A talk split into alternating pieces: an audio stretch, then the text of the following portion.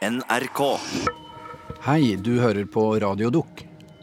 I 1968 protesterte studenter verden over, og det har fått mye oppmerksomhet.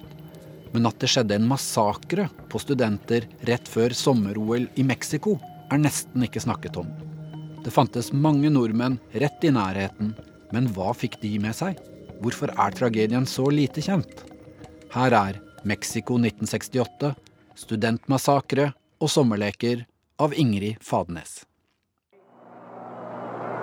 12 de octubre de 1968 declaro inaugurados los Juegos Olímpicos de México. President Gustavo Díaz Ordaz åpner sommer-OL i 1968 på Azteker-stadion i Mexico by. At presidenten da som var eh, ansvarlig, han måtte jo være ansvarlig selv om det var innenriksministeren som styrte det hele, så var jo helt opplagt presidenten klar over hva som skjedde. At han da skulle da med stolthet erklære de 19 olympiske sommerleker for åpnet, det var ganske motbydelig å høre, for å si det rett ut. This is the beautiful capital of Mexico.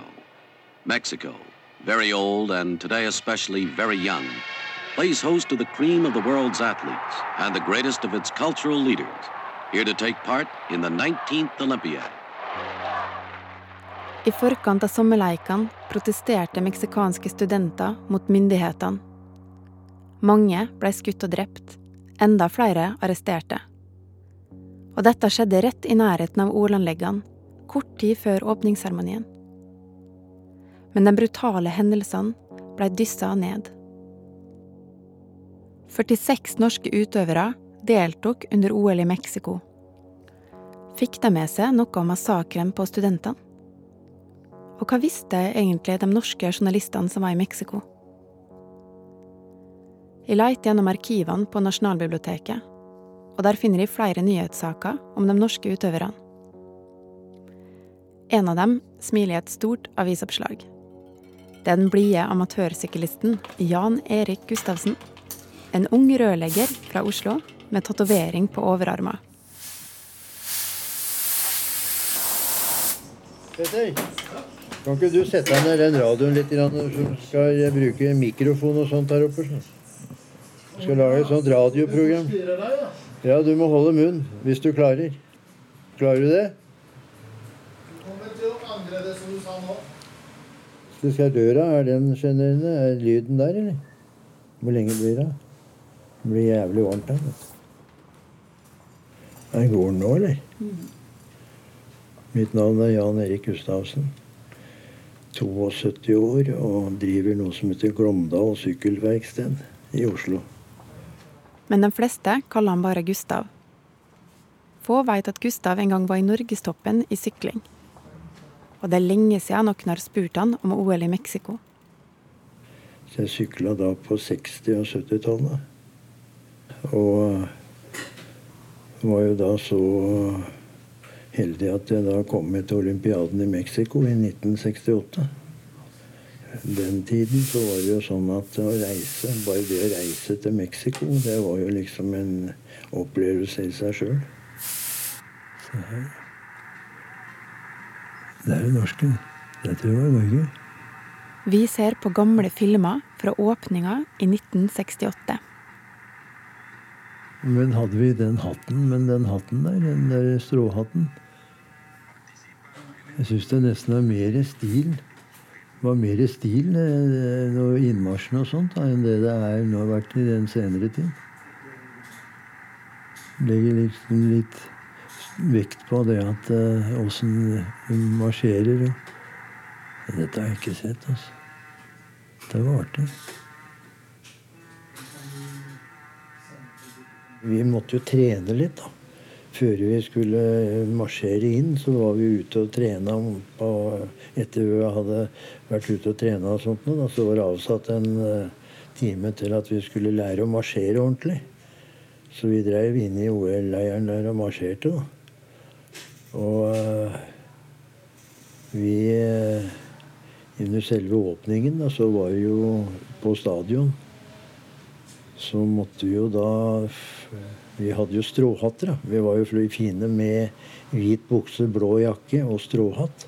Og sko som var eh, hvit foran på tuppen. Så det var jo vi, vi følte oss veldig staselige. da. Og når vi kom inn på stadion og gikk rundt og kom foran ærestribunen som eh, Nixon, Richard Nixon satt, da. han var jo en av æresgjestene, så måtte vi ta av oss hatten, og så måtte vi bøye oss litt sånn ærbødig ned med hatten i handa. Og det var jo liksom stort. Gustav har mange gode minner fra leikene i Mexico. Han husker spesielt godt da han møtte sin store helt Jesse Owens i OL-leira eller da han så Bob Beeman sette en vanvittig verdensrekord i lengdehopp med 8 meter og 90 centimeter. Robert Beeman jumps and makes sports history.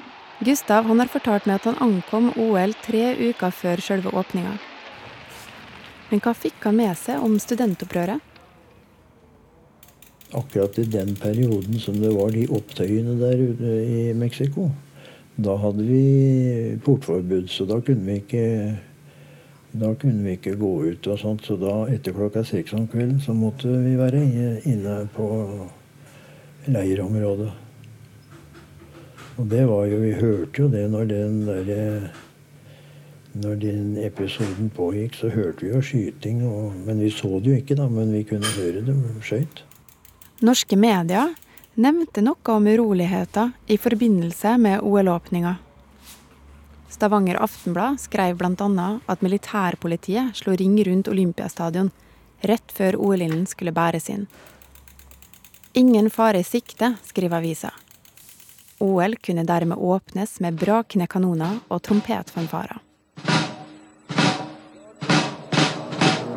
Declaro inaugurados los Juegos Olímpicos de México, que conmemoran la décima novena Olimpiada de la era moderna. President Ordaz slipper ut 6500 fredsstuer under åpninga av OL. Men eh, ble du redd sjøl for at det kunne skje noe? Nei, jeg var ikke så villig. det. Det er klart det kunne jo være noen som uh, men det var så bevokta. Det var veldig god sikring rundt hele olympialeiren. Så det skulle mye til på den tida. Da. I dag så er det jo mer utspekulert og sånt, men den tida så var det veldig god sikring rundt uh, olympialeiren. Jeg finner ikke mange spor i Nasjonalbiblioteket av studentopprøret. Men Gustav husker at han møtte en norsk journalist fra et internasjonalt nyhetsbyrå eh, prata med en eh, som da var fra Sjåsæter Press, som da skulle dekke en del av Så han dekka vel også den hendelsen der, men han fortalte han hadde vært midt oppi den saken, så han hadde ligget oppå en balkong. Som han eh, Og de hadde jo skyter rundt, eh, så det hadde ryket hull på et vannrør, så han hadde ligget der denne vannspruten, da. Så det var jo en, veldig dramatisk, da, det der han fortalte. Hvis denne journalisten lever fremdeles, kan han være en av dem få som var tett på de dramatiske hendelsene i Mexico.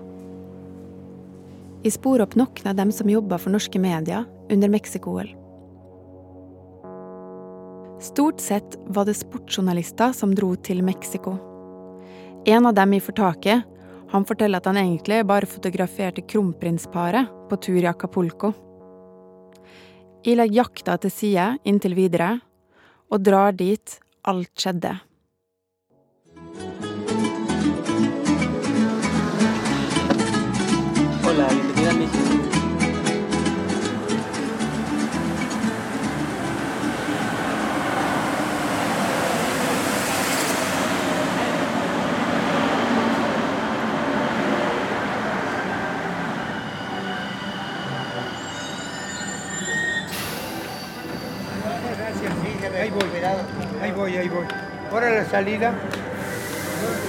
Mexico by, 50 år etter at Gustav var akkurat her.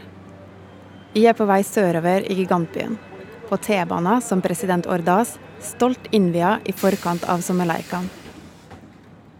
Mitt første stopp er den olympiske leira hvor Gustav bodde. Han har beskrevet leira som et boligområde i utkanten av byen. Men når jeg kommer fram, så kan jeg bare se en endeløs horisont av urban bebyggelse.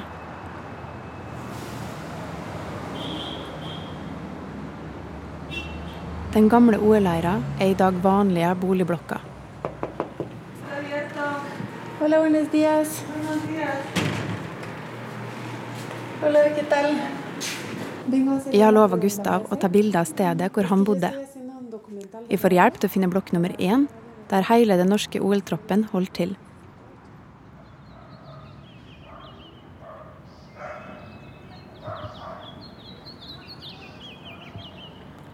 Når jeg går rundt på området, så tenker jeg på det Gustav fortalte meg. At han kunne høre skudd. Bare tre dager før Gustav ankom Mexico, så hadde hæren okkupert universitetet, som ligger veldig nært OL-leira. Det er mulig at han kan ha hørt skudd herfra. Jeg vil vite mer om studentbevegelsen, og hva som skjedde i ukene og månedene før massakren. Hva var det studentene i Mexico kjempa for?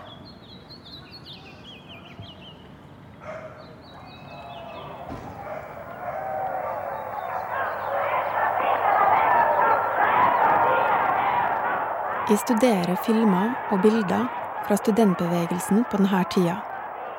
Med hjelp fra en meksikansk kollega får de spore opp Ana Ignacia Rodriguez. Eller La Nacha, som hun kalles. I 1968 var hun 24 år gammel og jusstudent fra den øvre middelklassen. Hun engasjerte seg i studentbevegelsen fordi hun ønska mer demokrati, forteller hun.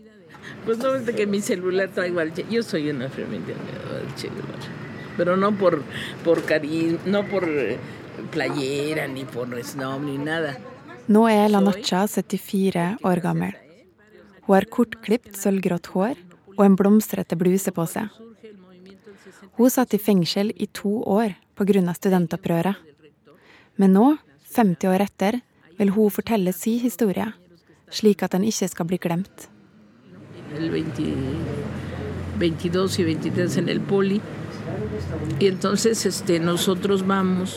Studentbevegelsen starta sommeren 1968. Etter at politiet brutalt slo ned og arresterte studenter i sentrum av Mexico by, forteller La Nacha. Dette er begynnelsen på det som skal bli et voksende opprør mot et autoritært regime.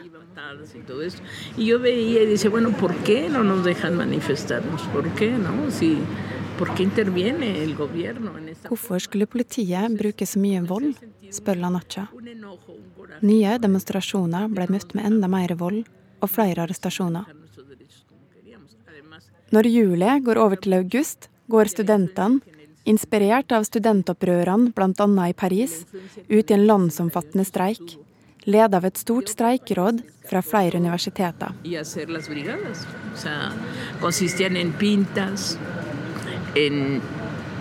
íbamos a los mercados, a las plazas públicas. Nos daban no nada más dinero, también nos daban bienes. La Nacha beskriver dette som en god tid en tid med samhold og tro på at de kan endre samfunnet til noe bedre. Studentbevegelsen får stadig mer støtte i befolkninga.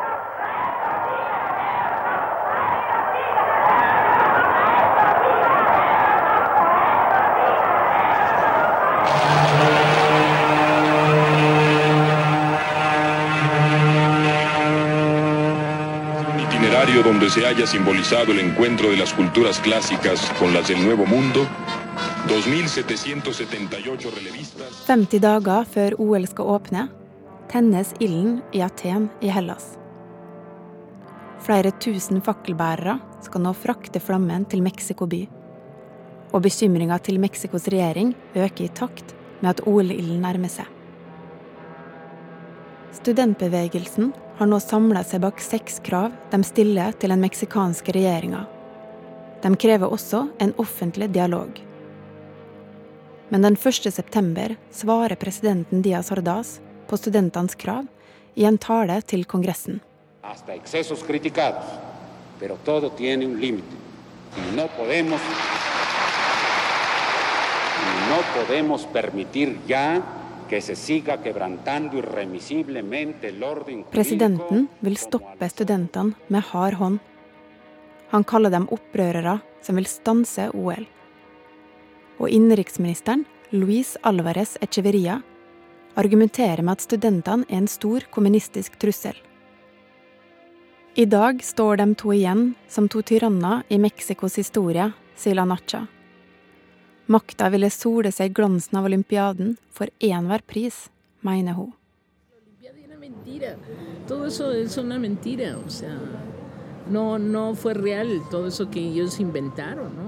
La Nacha sier at de kun var studenter som krevde demokrati, men det var farlig. Den 18. september rykker stridsvogner og soldater inn på universitetene i Mexico by. Det blir innført portforbud for idrettsutøverne som er i byen.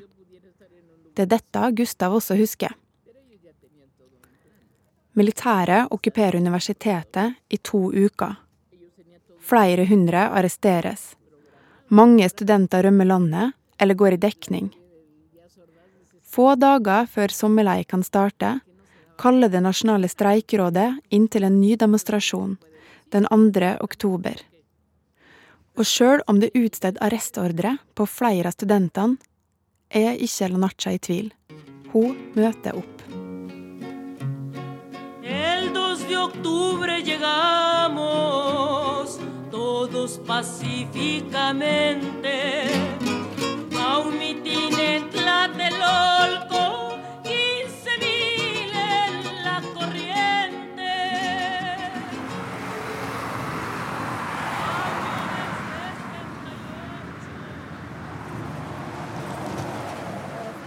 Studentene skulle møtes på Tlatelolco, de tre kulturers plass, i sentrum av Mexico by. Det er her jeg står nå. Plassen er omgitt av flere høye blokker. Her ligger også en gammel katolsk kirke og ruinene av pyramidene fra stekernes tid.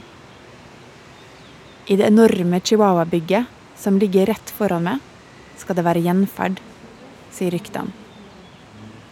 Her bor det fremdeles folk. Og det er hit de skal.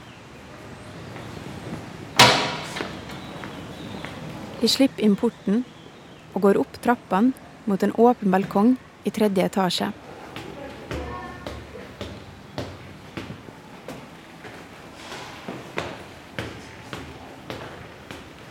Det var her, i denne etasjen, studentene fra det nasjonale streikerådet samla seg den 2. oktober 1968.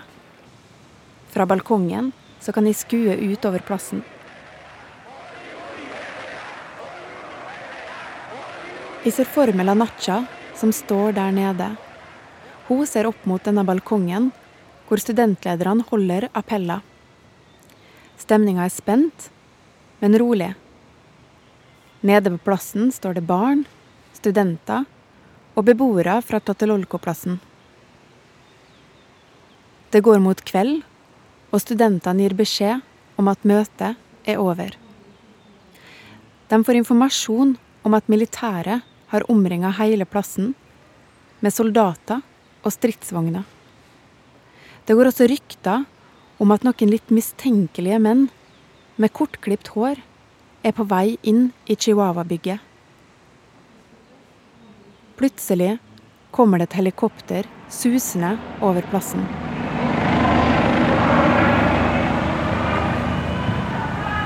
Lysgranater faller ned like ved Lanacha. Hun ser opp på balkongen. Brått avfyres skudd. Hun ser ei hånd med en hvit hanske ta over munnen på en av studentene i tredje etasje. I neste øyeblikk strømmer soldater og stridsvogner inn fra alle kanter. Dokumentarfilmen El Grito viser kaoset som oppstår. Cuando un helicóptero empezó a volar por encima de la plaza. Un helicóptero verde del ejército, en círculos concéntricos, cada vez más bajo, cada vez más bajo. Den kjente italienske journalisten Oriana Falacci, står på balkongen. Hun prøver å advare studentene når hun ser lyssignalet, men hun blir avfeid.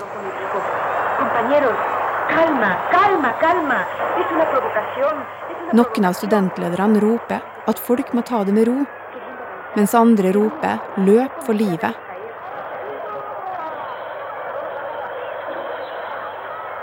Kulene suser.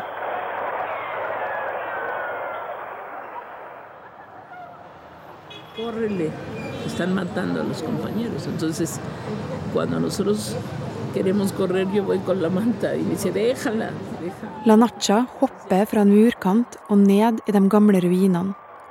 Hun skader knærne, men kommer seg unna i første omgang, forteller hun.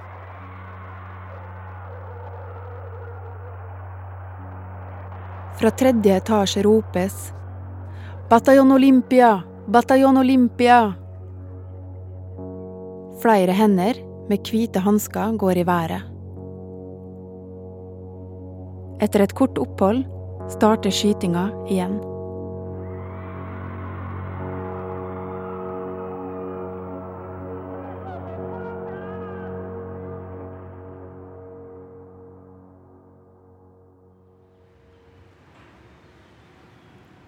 Dagen etter våkner Mexicos befolkning til en rengjort Tlatelolco-plass. Kun stridsvogna står igjen som spor. Avisene skriver at politiet og militæret fikk løst opp en demonstrasjon som forsøkte å stoppe OL. Det meldes om 20 drepte, 75 skadde og 400 arresterte. Mexico var på denne tida en ettpartistat med full kontroll over media.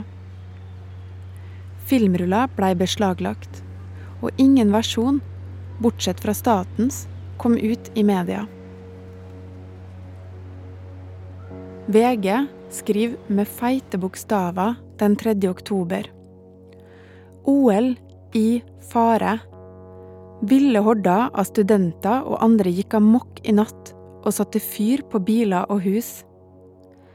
Aftenposten skriver at flere av studentene hadde automatvåpen. Men hvem var det som skjøt det første skuddet? Mexicos regjering og studentene har ulike versjoner. Myndighetene forteller at de rykka inn mot bevæpna studenter, mens vitnesbyrd forteller om snikskyttere på hustakene. Og fotografi viser arresterte studenter oppstilt langs veggen i Chihuahua-bygget, omringa av bevæpna og sivilkledde menn med hvite hansker. Seinere kommer det fram at de var for en spesialtrent styrke kalt Den olympiske bataljon. Den erfarne italienske krigsreporteren Oriana Falacci ble skutt tre ganger i ryggen.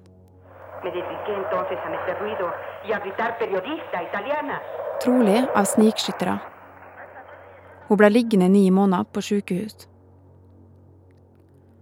Falacci kalte massakren hennes verste opplevelse som journalist. Eso fue como me detienen la segunda vez. O sea, yo llego ahí muy quitada de la pena. Y no, ya estaban los agentes ahí.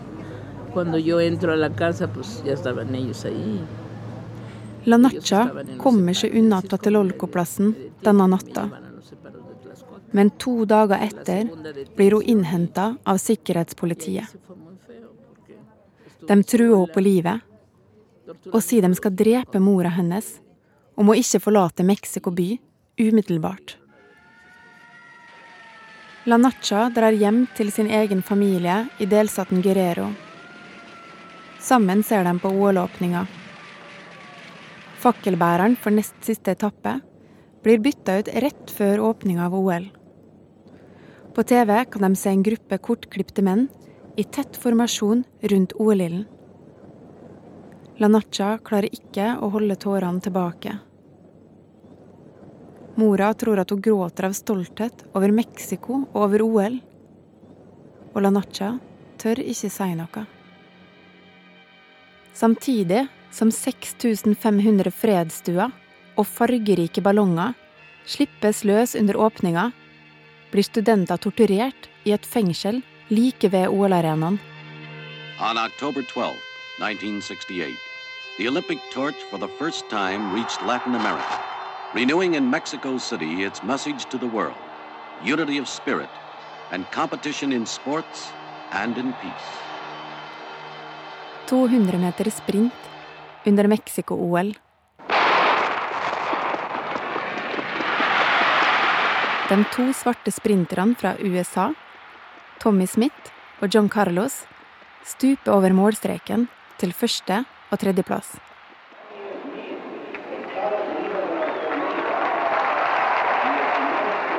Når nasjonalsangen spilles under medaljeutdelinga, løfter dem en knyttneve i været, med en svart hanske. En Black Power-hilsen i protest mot rasediskriminering i USA. IOC reagerer kontant. Politikk og OL skal ikke blandes. De to sprinterne blir utvist fra leikene.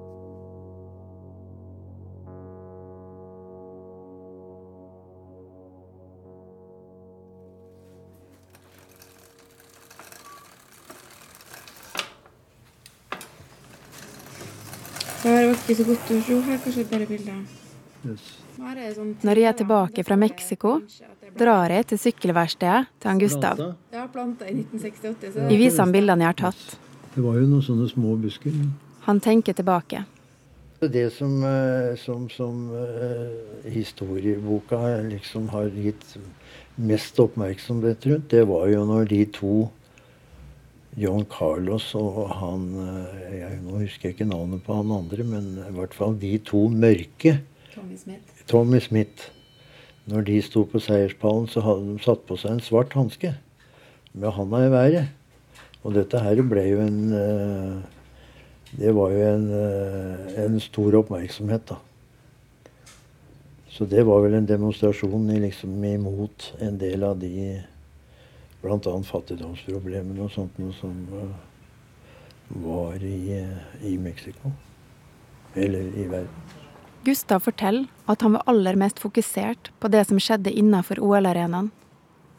Og det er først nå han virkelig tar inn over seg det som skjedde tett på. Studentmassakren kom helt i skyggen av olympiaden. Jeg finner likevel ikke roa. Hvordan kunne en så stor tragedie skje ubemerka, med så mange internasjonale journalister til stede? Gustav har jo fortalt meg at han møtte en journalist i OL-leira. En journalist som fortalte han om massakren. Vi fortsetter leitinga, sjøl om det er få spor å gå etter. Og så har du snakka om journalisten Harald Kjølås. Ja, Men han døde for et år siden. han gjorde det. Og så leite jeg opp, så er det en som heter Oddvar Hegge, som også var i Mexico Ja, det husker jeg, det navnet. Husker jeg. Men hun fikk jo akkurat SMS faktisk at For jeg prøvde å ringe han, og det er navnebroren hans. Han sier at Oddvar døde for et år siden. han. Oddvar Hegge, ja, det kan jeg huske. Så jeg tenkte jeg skulle fortsette å leite litt i, i uh, Nasjonalbiblioteket for å se hvilke andre journalister som var der. Jeg drar på Nasjonalbiblioteket en gang til for å leite etter artikler fra 1968. Og der, helt plutselig, dukker en artikkel fra Stavanger Aftenblad opp. Norsk mann i skytedrama i Mexico. Det viser seg å være journalisten Jan Borg, som jobber for det internasjonale nyhetsbyrået United Press International. Kanskje det er han Gustav mente? Jeg ringer, og jeg får svar. Her er det julekake fra Uvdal bakeri. Og så er det noe annet. Sånn. Så skal vi få noen kopper. Så det er gratis påfyll, som de sier. I et lite, hvitt båthus på Bygdøy, et steinkast unna Kon-Tiki-museet, sitter 80 år gamle Jan Borg. Han har en lang internasjonal karriere bak seg som fotojournalist. Jeg kan nesten ikke tro at jeg sitter i en kurvstol og drikker kaffe med en norsk journalist som var til stede på Tlatelolco-plassen for 50 år siden. Jeg jobbet jo da som um, journalist og filmreporter for uh, faktisk verdens største nyhetsbyrå, United Press International, deres fjernsynsavdeling. Og jeg hadde da Dette var i 1968, som var en meget travelt år. Jeg tror jeg hadde opptil 300, over 300 reisedager i året. Det var uh, utrolig mye som skjedde akkurat i året. Du hadde jo alle disse studentopptøyene over hele verden. I tillegg så hadde du jo invasjonen i Tsjekkoslovakia. Du hadde krigen i Biafra. Og du hadde en rekke andre ting. For ikke å snakke om studentopptøyene i Paris. Som takt for innsatsen så skulle jeg da få lov til å få en meget hyggelig ferie i Acapulco, hvor jeg skulle da dekke de olympiske seilaser. Og det var jo mer eller mindre en ferie. Men jeg kom aldri til Acapulco, for den første dagen da jeg landet i, i, i Mexico City, så, så, var det Studentene begynte å røre på seg. De begynte å tenne på biler, og, og det var flere bilbranner rundt omkring i byen.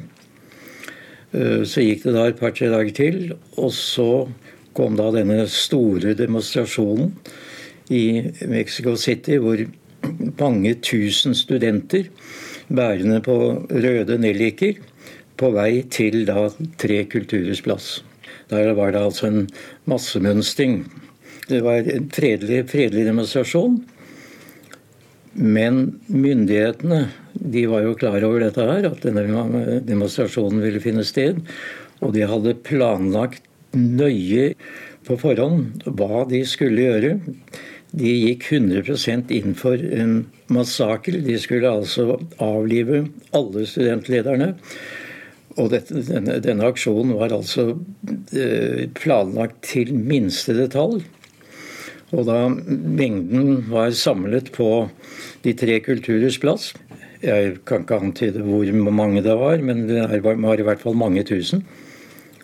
Ca. klokken seks om ettermiddagen så ble det skutt opp et grønt lys fra taket av Utenriksdepartementet, som var next door til eh, De tre kulturers plass.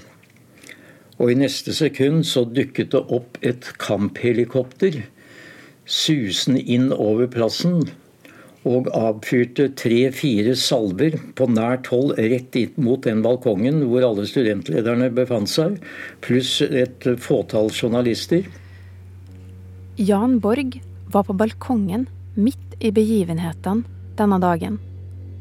Han sto ved siden av lederne i Det nasjonale streikerådet og den italienske journalisten Falacci. Sjøl om hennes historie er kjent, har jeg aldri hørt om at andre internasjonale journalister var her. Kanskje er Jan Borg det siste gjenlevende vitnet fra balkongen. Den situasjonen kan nesten ikke beskrives. For denne salven, eller disse salvene, de traff jo selvfølgelig brorparten av de som befant seg oppe på balkongen. Og det eneste vi måtte gjøre, det var å kaste oss ned på gulvet. Og ved siden av meg så lå da den kjente italienske journalisten eh, Oriana Falacci. Og hun ble da truffet tre steder i ryggen. Og hun skrek som et vilt dyr. Og det gjorde selvfølgelig også de som fortsatt levde, sårede, som lå der oppe. Det var, hvor, mange, hvor mange det var, det kan ikke jeg uttale. Men det var i hvert fall denne balkongen. Den var vel ca. Ja, 20-25 meter lang. Og, og, det var en god del mennesker oppå der. Midt oppi det hele så, så ble da et, et, et vannrør som gikk nedover langs med, langs med verandaen. Den ble truffet. Så vannet fosset ut, og det tok ikke mange sekundene før, før, dette vannet da tok en dyp rød farve av alle som, som lå der skutt. Hvor mange hundre som ble skutt ned av, av tanks og snipers og hva det nå måtte være nede på, på plassen der, det, det vet jeg ikke. Men det var i hvert fall et grusomt syn å se hva som skjedde der nede på den plassen. Jeg var den siste som forlot denne balkongen. Eh, en av soldatene som kom bortover, han hadde da en, en uh, tok kolben på geværet og, og, dunket inn i kroppen min. Han registrerte at jeg var i live, og i samme øyeblikk så kom det et par snipers inn uh, med hvite hansker på høyre hånd, bærende også på pistol. Og de kommanderte meg til å reise meg opp og gå ned i gå ned trappene. Og da jeg kom ned i trappene, så ned, da jeg kom ut på gaten, så var det bare én ting å gjøre, og det var å spurte opp til UPIs Mexico-kontor og, og, og, få denne historien ut til verden. Det Jan Borg forteller, bekrefter studentenes versjon om at sivilkledde og bevæpna menn med hvite hansker deltok i massakren. Det var dem som kommanderte Borg ned fra balkongen. Det var masse journalister til stede i Mexico dagene før olympiaden. Men det var stort sett sportsjournalister. Og sportsjournalister de, de var ikke så veldig interessert i, i det hele tatt hva som skjedde. Og det var i grunnen ikke ikke Altså De catchet ikke hva som skjedde. Verken, verken fjernsyn eller, eller, de store avisene. Aftenposten f.eks. hadde dagen etter en bitte liten notis i ettermiddagsutgaven av denne massakren hvor mange hundre mennesker ble drept, slaktet ned. Så interessen for eh, den del av verden den var omtrent lik null. I hvert fall når det gjaldt da politiske saker. og ja, Jan Borg hadde over 300 reisedøgn i 1968. Han var til stede ved flere av de store begivenhetene i løpet av dette året. Likevel så er det hendelsene i Mexico som har satt størst spor i han. Jeg har dekket de fleste kriger eh, på 60- og 70-tallet. Men jeg har aldri vært i nærheten av det som skjedde i Mexico. Du kan jo sammenligne Paris, studentopptøyene i Paris. Jeg var der og dekket de også. Det var jo samme året. Dette var jo på sommeren. Og eh, altså Franskmennene var jo ikke i nærheten av å bruke skarpt for å, for å få bukt på, på, det hele, få situasjonen under kontroll. Det var jo vannkanoner og tåregass som Det samme var jo som skjedde i Warszawa i mars måned. Det var jo aldri snakk om å bruke selv i, der borte den gangen, altså, så var det det var ingen som, ingen som ble skutt, så vidt jeg vet, eller som døde i den demonstrasjonen. Men i Mexico, der skulle de bare en gang for alltid sette en stopper for demonstrasjonene. Borg er tidsvitne til en av Mexicos mest rystende massakre. En massakre som fremdeles har mange spørsmål uten svar. Historia er satt sammen av vitnesbyrd fra dem som var der. Men mange har fremdeles ikke fortalt sin historie. Slik som Borg. Han var sannsynligvis bare centimeter fra å sjøl bli skutt og drept, bare 30 år gammel. Har du noen gang du, Det er aldri noen som har spurt om du kunne gitt vitnesbyrd? Aldri. Det er ingen som har Ja, av en eller annen merkelig grunn så er det ingen som har Nei, det har jeg ikke, ikke, ikke blitt spurt om. Selv om jeg har altså vært vitne til akkurat det som skjedde på denne plassen jeg har egentlig ikke tenkt så veldig mye på akkurat det som skjedde, og hvor nære jeg var the bitter end oppe på den balkongen. Men liksom, nå, da, etter at du ringte, så begynner å lese og begynner å tenke over dette her, så blir du litt skjelven, vet du. egentlig. Ja. Ellers har jeg aldri hatt noen problemer med noe av det jeg har sett og opplevd, egentlig.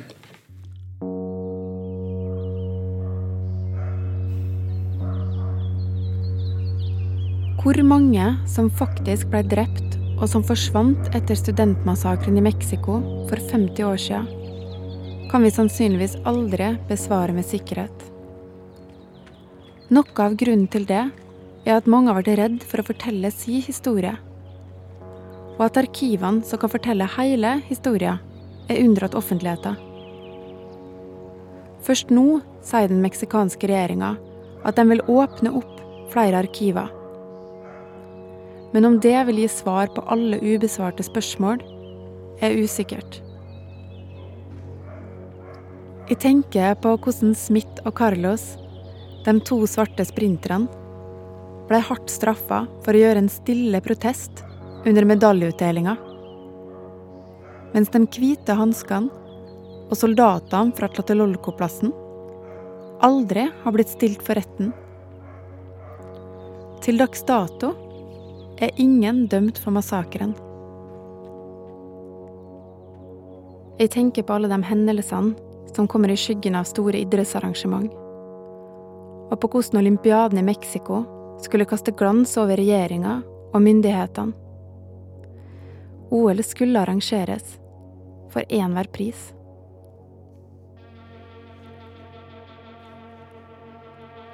Når den offisielle OL-filmen fra 1968 går mot slutten, så slukkes lyset på Aztekerstadion. Publikum sitter i mørket. Og det er kun OL-ilden som lyser opp. Så slukkes også den. Sakte. Og alt blir helt mørkt.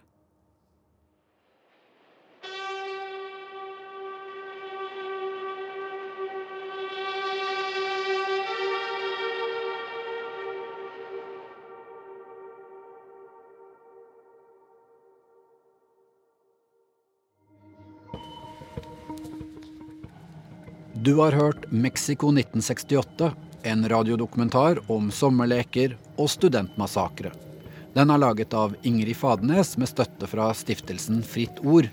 Etterarbeid i NRK ved hjelp av lyddesigner Merete Antonsen. Jeg heter Kjetil Saugestad og var konsulent. Vil du sende oss reaksjoner, så kan du kontakte oss på radiodok.krøllalfa.nrk.no. Nå blir det juleferie i denne podkasten. Neste år blir det en ny sesong av Hele historien, og vi skal legge ut noen smakebiter når det nærmer seg. Har du ikke hørt alle episodene, så er det bare å søke opp Hele historien i din podkast-app. Der ligger det en sesong med sju fortellinger som på hvert sitt vis satte sitt preg på Norge. NRK.